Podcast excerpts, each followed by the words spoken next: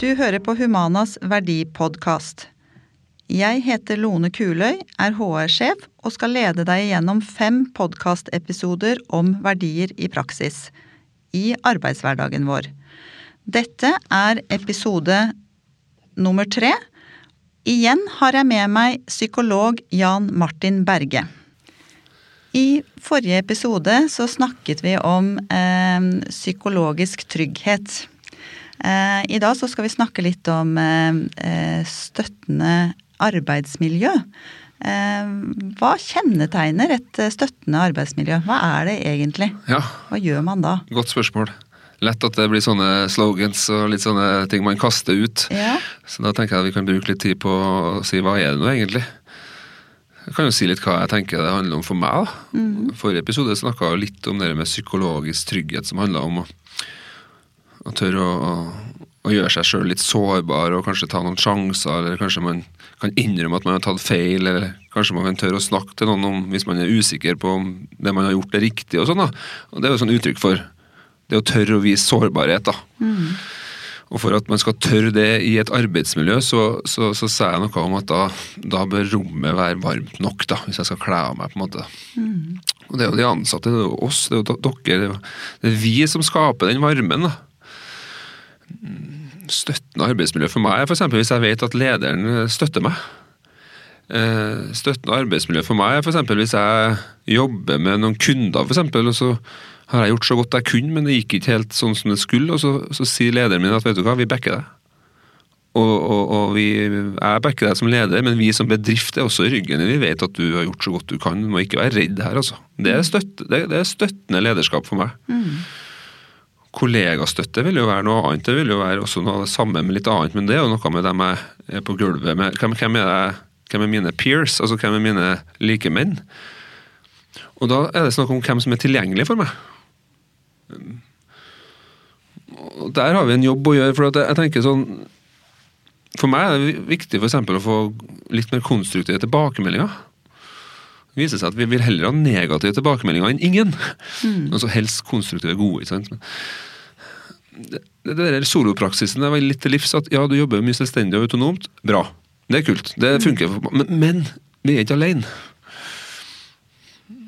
Jeg vet ikke, Hva tenker du kan være støttende arbeidsmiljø?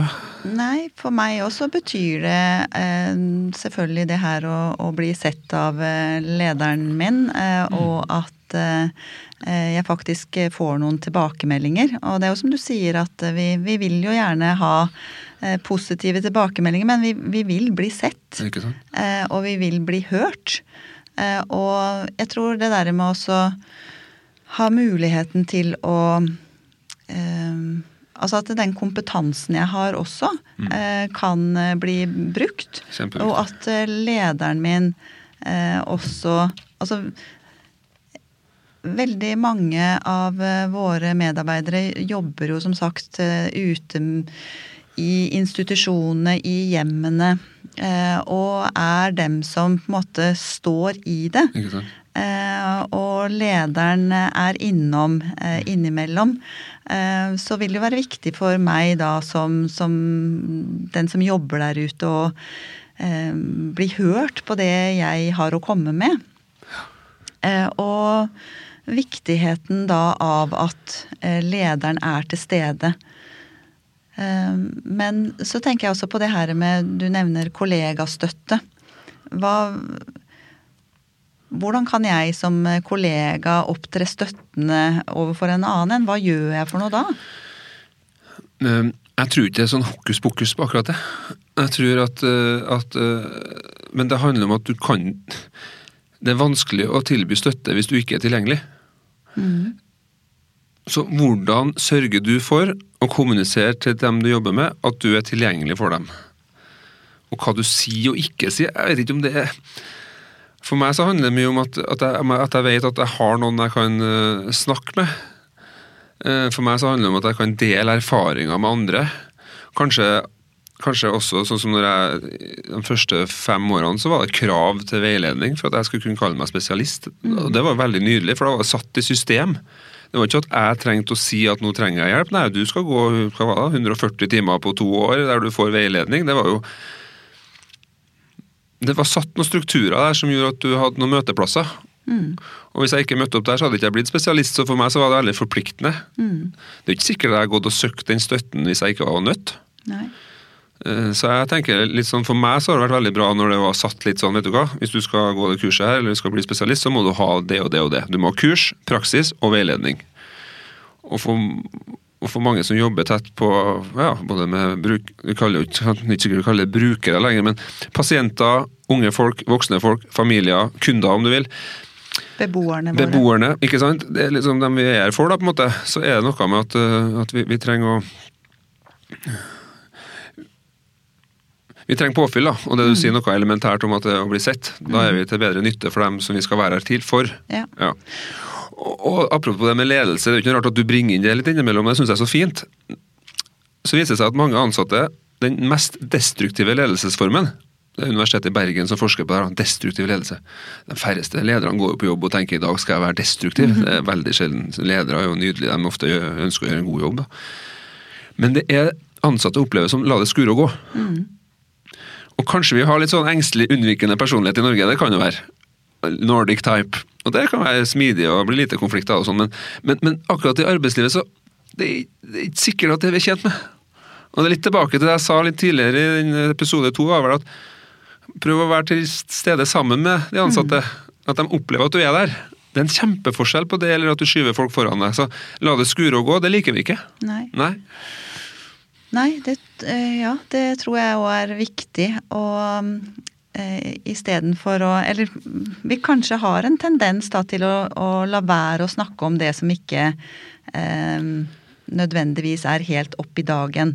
Eh, og hvis det, jeg har en eh, medarbeider som eh, eh, ikke sier noen ting, ikke klager, ikke ber om noen ting, Mm. så, så lar jeg kanskje også være å Jeg tror det. Tilby noe som helst. Ja. Mens den som kanskje prater eh, høyest, og den som ber om, om ting, eh, lettere får det man, eh, eh, man har behov for, da. Mm. Men, men hvordan kan vi hjelpe dem da, som ikke ber om noen ting? Altså, hva, hvordan kan vi liksom gå inn og gjøre noen ting der? Nei, Du må høre på podkasten her, da. Ja, det er jo Og når man ansetter, så må man prøve å si noe om det. at Her får du en del frihet, her får du disse arbeidsoppgavene, her jobber vi på den og den måten. Men det er veldig viktig for oss at også du sier noe om hvor du er hen. Så man prøver å rekruttere litt sånn at, at vi- vise det fra begynnelsen av, tenker jeg. Og så er det noe med at kanskje lederne også må øve seg på at folk er litt ulike i gruppa mi, og det, sånn skal det jo være. Men lederne må også være flinke til å prøve å tilpasse litt den coachinga jeg snakka om, da, til, til hver enkelt ansatt. Så ikke er liksom jeg som er den brautende, høylytte trønderen på 1,90 som alltid tar rommet. Det kan godt være at det er mange andre der som også har behov, men de kommer ikke fram. Nei. Så det, det er litt sånn medarbeiderne har en ansvar, men ledelsen også har et ansvar for å liksom Lederen må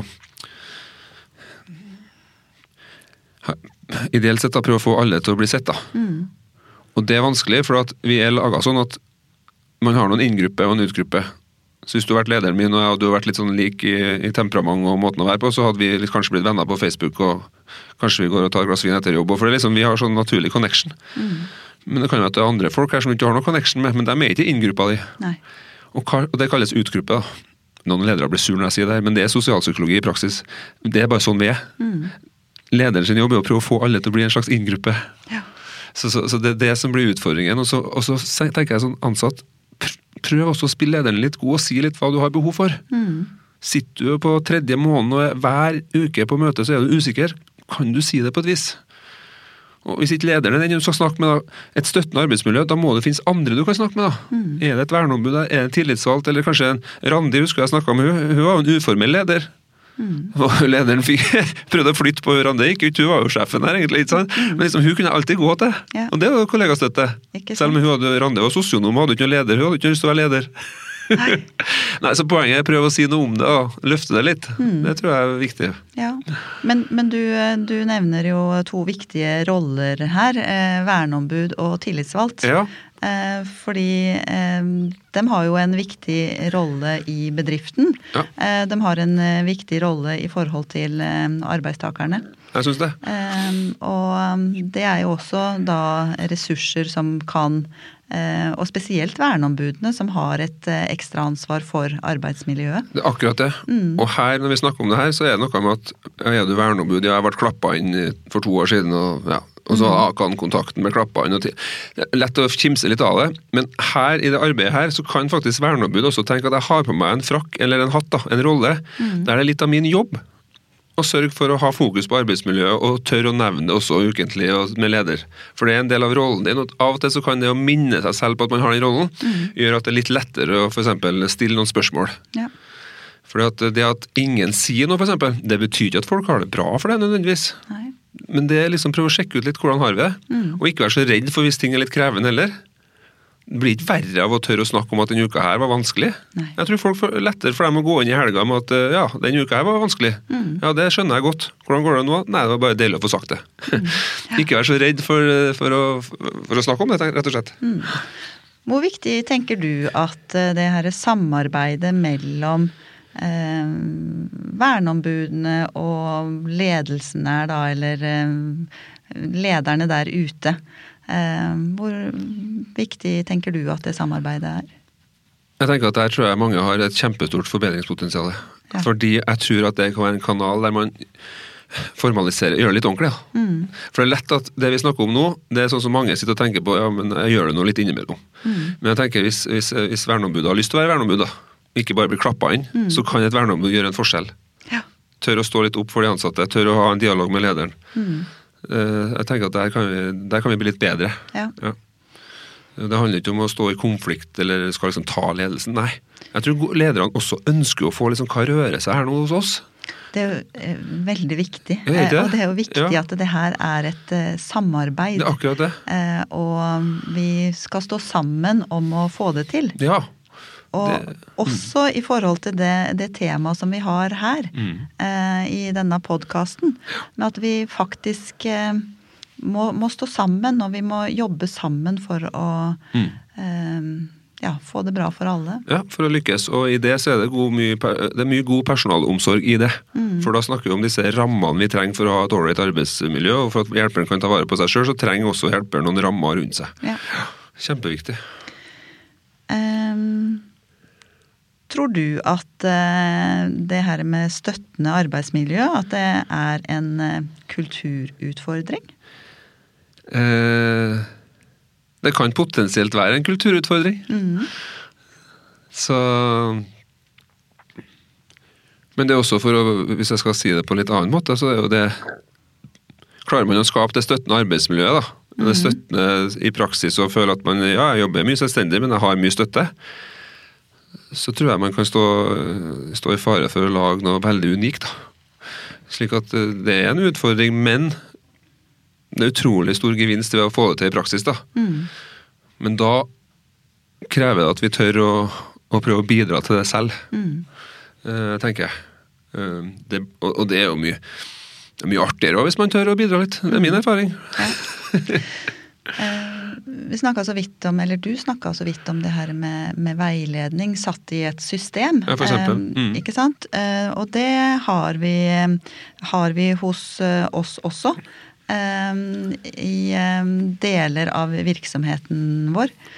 Eh, Men eh, så tenker jeg på det her med også eh, noen, noen type verktøy da, til å kunne eh, få satt ting i system for å være i et eh, ivaretagende og støttende arbeidsmiljø. Er det noen sånn eh, knagger eller noen ting vi kunne ha eh, kommet med noen eksempler på, på hva man faktisk kunne ha gjort? Ja, det finnes det helt sikkert, og jeg vet ikke helt hva som vil passe for uh, den delen av organisasjonen deres for, i praksis. da. Så Derfor så blir jeg litt i tvil på hva jeg skal svare til det. Ja. Men jeg tenker for eksempel da, at uh, det er veldig uheldig hvis folk går hjem fra jobb eller logger av skiftene sine over tid, der man ikke har fått muligheten til å få lagt det litt fra seg. Så da er spørsmålet på hvilken måte opplever de ansatte at de har noen de kan snakke med før de går av skift, eller at de går vekk fra en arbeidsdag? Hvis det har skjedd noe Det kan jo være trusler, vold, spørsmålstegn. Eh, du skal ikke logge deg av jobben før du har fått snakka med noen, f.eks. Finnes det noen sånne institusjoner her? Finnes det noen sånne, eller institusjon blir feil, men struktur, da? Ja. Noe sånt ville ha vært veldig konkret. Jeg vet at de har god erfaring med altså, Når det skjer en brann, så alle brannvesen altså, Da snakker vi sammen. Og de har blitt mer sånn psykologisk eh, førstehjelpaktig. For at de vet at det- å være brannmann og bare skal øh, løfte masse vekter og gå og, og Jeg sier ikke at alle går og ruser seg, altså, det ikke men det er liksom litt strong silent type. Ja. De har blitt mer bevisst på at også brannmenn har følelser. Ikke sant. Slik at når det skjer ting, fæle ting, når det er et ras i Gjerdrum, så er det sånn at du får ikke bare dratt hjem fra jobben etterpå. da. Nei. Da skal du komme hit, og vi skal liksom Det er ikke sikkert vi skal snakke om følelser, men vi skal se hverandre i øynene og se hvor er du hen. Og det gjelder, det er et menneskelig behov vi har, og vi kan litt om det fra psykologien. At eh, for at vi skal liksom ha det bra over tid, så må vi på en måte sørge for å få bearbeida ting. Og hvordan ting bearbeides, da kommer hele sorg og ulykke og krise, traumepsykologien. Og det er jo et helt fagfelt i seg selv. Ja. Det er ikke sikkert du skal debrife rett etter en ulykke har skjedd, men det skal være noen strukturer der. Jeg er for veldig opptatt av hvis folk har det opplevd noe vanskelig, så, så er jeg veldig mm, påpasselig med at de ikke skal gå hjem og være alene. Det er jo et eksempel. Vi har eh, eh, vi har jo såkalt medleverturnus eh, hos veldig mange av okay. Eh, I veldig store deler av virksomhetene våre. Eh, og eh, når eh, en som har jobba et medleverskift, går hjem fra jobb, og neste skift kommer på, så har man det som vi kaller for overlapp. Ja, for eksempel. Eh, og der er det jo er det en allerede en fast eh, struktur, mm. og hvor man da går igjennom hva som har skjedd på, på foregående skift, og overlater til neste. Eh, så, så det er nok noe som eh, benyttes mye til eh, og kanskje også eh, snakke kollegaer imellom. Men eh, i korona, eller etter at korona kom, mm. så er jo det her også blitt en utfordring i forhold til at eh, man eh, ikke har lederen til stede, Nei. eh, og at man har eh, færre treffpunkter. Mm. Eh, Så, så hvordan kan man eh, i en eh, digital verden følge opp eh, på, eh, som, som leder, da? Lett for meg her å sitte og si det, da, men jeg vil tenke at desto større behov for å gjøre det. Ikke sant? Å være kreativ er at vi kan faktisk eh, ha kontakt med hverandre uten noe fysisk. For jo lenger den pandemien her varer, jo mer press er det på den generelle psykiske helsa i befolkningen. Ja. Også på folk som jobber med å være emosjonelt tilgjengelig for andre. Så for guds skyld, ikke slutt med det nå, selv om vi må gjøre det digitalt. Det er Nei. bedre enn ingenting. Det er det.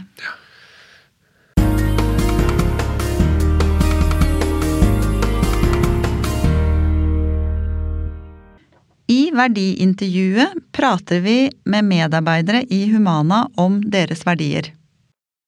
Ja, eh, Kai Johnsen. Eh, snart 32 år og jobber på Gimse i Lofoten. Hva mener du er det aller viktigste for å ivareta et støttende arbeidsmiljø? Man blir jo på en måte sekundærskade etter å ha jobba mange år med, med elendighet. Mange står jo med får jo meget tøffe hendelser og avgjørelser i løpet av en arbeidsdag. Eh, Så da tenker jeg at det er veldig viktig å ha en støttende ledelse. Avdelingens leder er jo ja, de ansattes forbilde og bør i aller høyeste grad etterleve de verdiene vi står for. Ja, når en leder er sitt ansvar bevisst her da, og samtidig klarer å likestille arbeideren og terapeuten der det lar seg gjøre, så, så har jeg stor tro på at den vanlige ansatte på gulvet kopiere holdningen og bringe det videre ut i avdelinga. Akkurat nå er vi jo midt oppi en alvorlig pandemi, og da tenker jeg også den lille samtalen over en kopp kaffe betyr mer enn den noen gang har gjort. Og det at en leder tar seg tid og er synlig, er jo viktig. Så det blir liksom en, en god bekreftelse for den ansatte, som ellers gir veldig mye av seg sjøl. Alle trenger å få litt tilbake. Kollegastøtte har vel ja, egentlig aldri vært viktigere nå. Da. Samtidig så trenger det ikke å være så mye. Det er jo bare Ja, det er smilet, eller det er spørsmål om hvordan det går. Har du det bra? Tida, ta tida til å lytte til hverandre. Da har man liksom også lagt til rette for å bygge et samarbeid på verdiene våre. Så samtidig har man skapt rom for trygghet og refleksjon. Og sett ifra et uh, eh, HMS-perspektiv så er det jo ja, også enklere for både ledere og kollegaer å fange opp og ivareta dem som kanskje ligger litt på minussida når det kommer til trivsel, og energi eller motivasjon. Så det å engasjere seg i en ansatt eller en kollega, det betyr jo mye. Om du er leder eller ikke. Fortell meg om en gang en kollega stilte opp for deg. Ja, det Vet du, jeg tror ikke jeg klarer å trekke fram en, en enkel gang. Eh, det er jo utrolig mye flotte folk og gode kollegaer på Gimsøy. Så har jeg egentlig ikke et sånn Jeg har ikke et iboende behov for at noen egentlig skal stille opp for meg i ordets rette forstand. Eh, det gjør nok også at jeg ikke Jeg legger ikke på minnet akkurat det når det skjer. Eh, jeg tror jeg heller vil, vil bare nevne de, de små tingene de som sender en melding eller en, en snap om at de har laga og inviterer på smoothie når man er på jobb, eller spør om man vil bli med ut og gå en tur i hviletida. Den gode samtalen og refleksjonen hvor, ja, hvor jeg og makkeren min sitter på over morgenkaffen og løser verdensproblemer. Eller den som tar fram kleppesaken når jeg ikke har tatt meg tida til å besøke frisøren på en stund. Eller det er jo sånn at når man jobber i team og medlever sånn som vi gjør, så man blir jo som en liten familie. og Det er jo det er mye god støtte i en familie. Hva gjør du for å motivere deg? Ja, nei, Man tar jo på seg litt ekstra ansvar. da. Vedlikehold rundt omkring, eller verv. Eller ja, litt sånne ting som gir synlige resultater på kort tid. Uh, Syns jeg er motiverende, både på jobb og privat. Det er litt sånn en, en, en, full kalender med et godt system. Det gir jo en sånn indre glede og motivasjon. Men så er det jo klart at den, den største motivasjonen er jo jobben man er satt til å gjøre. Og her er det nok kanskje viktigere å sette seg ned og tenke litt tilbake. Da, da blir jo resultatene jeg og, jeg og teamet i lag med beboerne har oppnådd over tid, veldig tydelige. Det finnes gode og dårlige tidspunkt for tilbakemelding. Når er det beste tidspunktet for å gi en tilbakemelding? I en stor gruppe eller på tomannshånd? Det er jo veldig individuelt. og Det kommer veldig an på hvordan, hvordan tilbakemelding det er som skal gis. det er vel ingen, ingen som liker eller har nytte av å få en tilbakemelding på konkrete feil foran andre. Det ender ofte bare med å trykke ned en person og skape mistillit. Alle gjør sitt beste hele tida. Om noen gjør feil, så er det jo gjerne den som feiler. Den som gjør feil, som vet det best. Men så er det jo også sånn at det er sjelden noe som er så godt som å få, eh, ja, få ros eller skryt foran, foran andre eller med andre til stede. Det kan jo også være med på å motivere flere eller gi andre noe å strekke seg etter.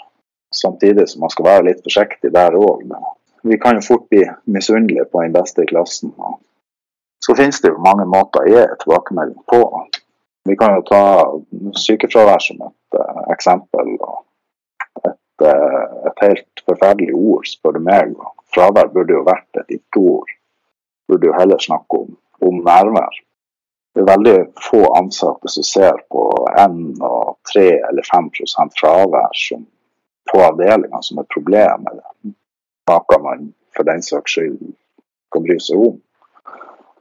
Men hvis de heller snur eh, dialogen til å, til å omhandle nærvær, så snakker vi jo da heller om henholdsvis 95, 97 eller 99 nærvær blir det helt utrolig å stille seg spørsmål om vi klarer 100 neste måned. Så jeg tror, tror det kan være mye mer motiverende enn de små tallene vi opererer med innenfor sykefraværet. Uh, og det selv under en uh, global pandemi hvor uh, terskelen for å ta en heimedag og teste seg skal være ekstremt lav. De ansatte burde absolutt roses for sitt nærvær en miljøarbeider eller miljøterapeut opererer heller ikke med tall og ser ikke kostnaden ved manglende nærvær.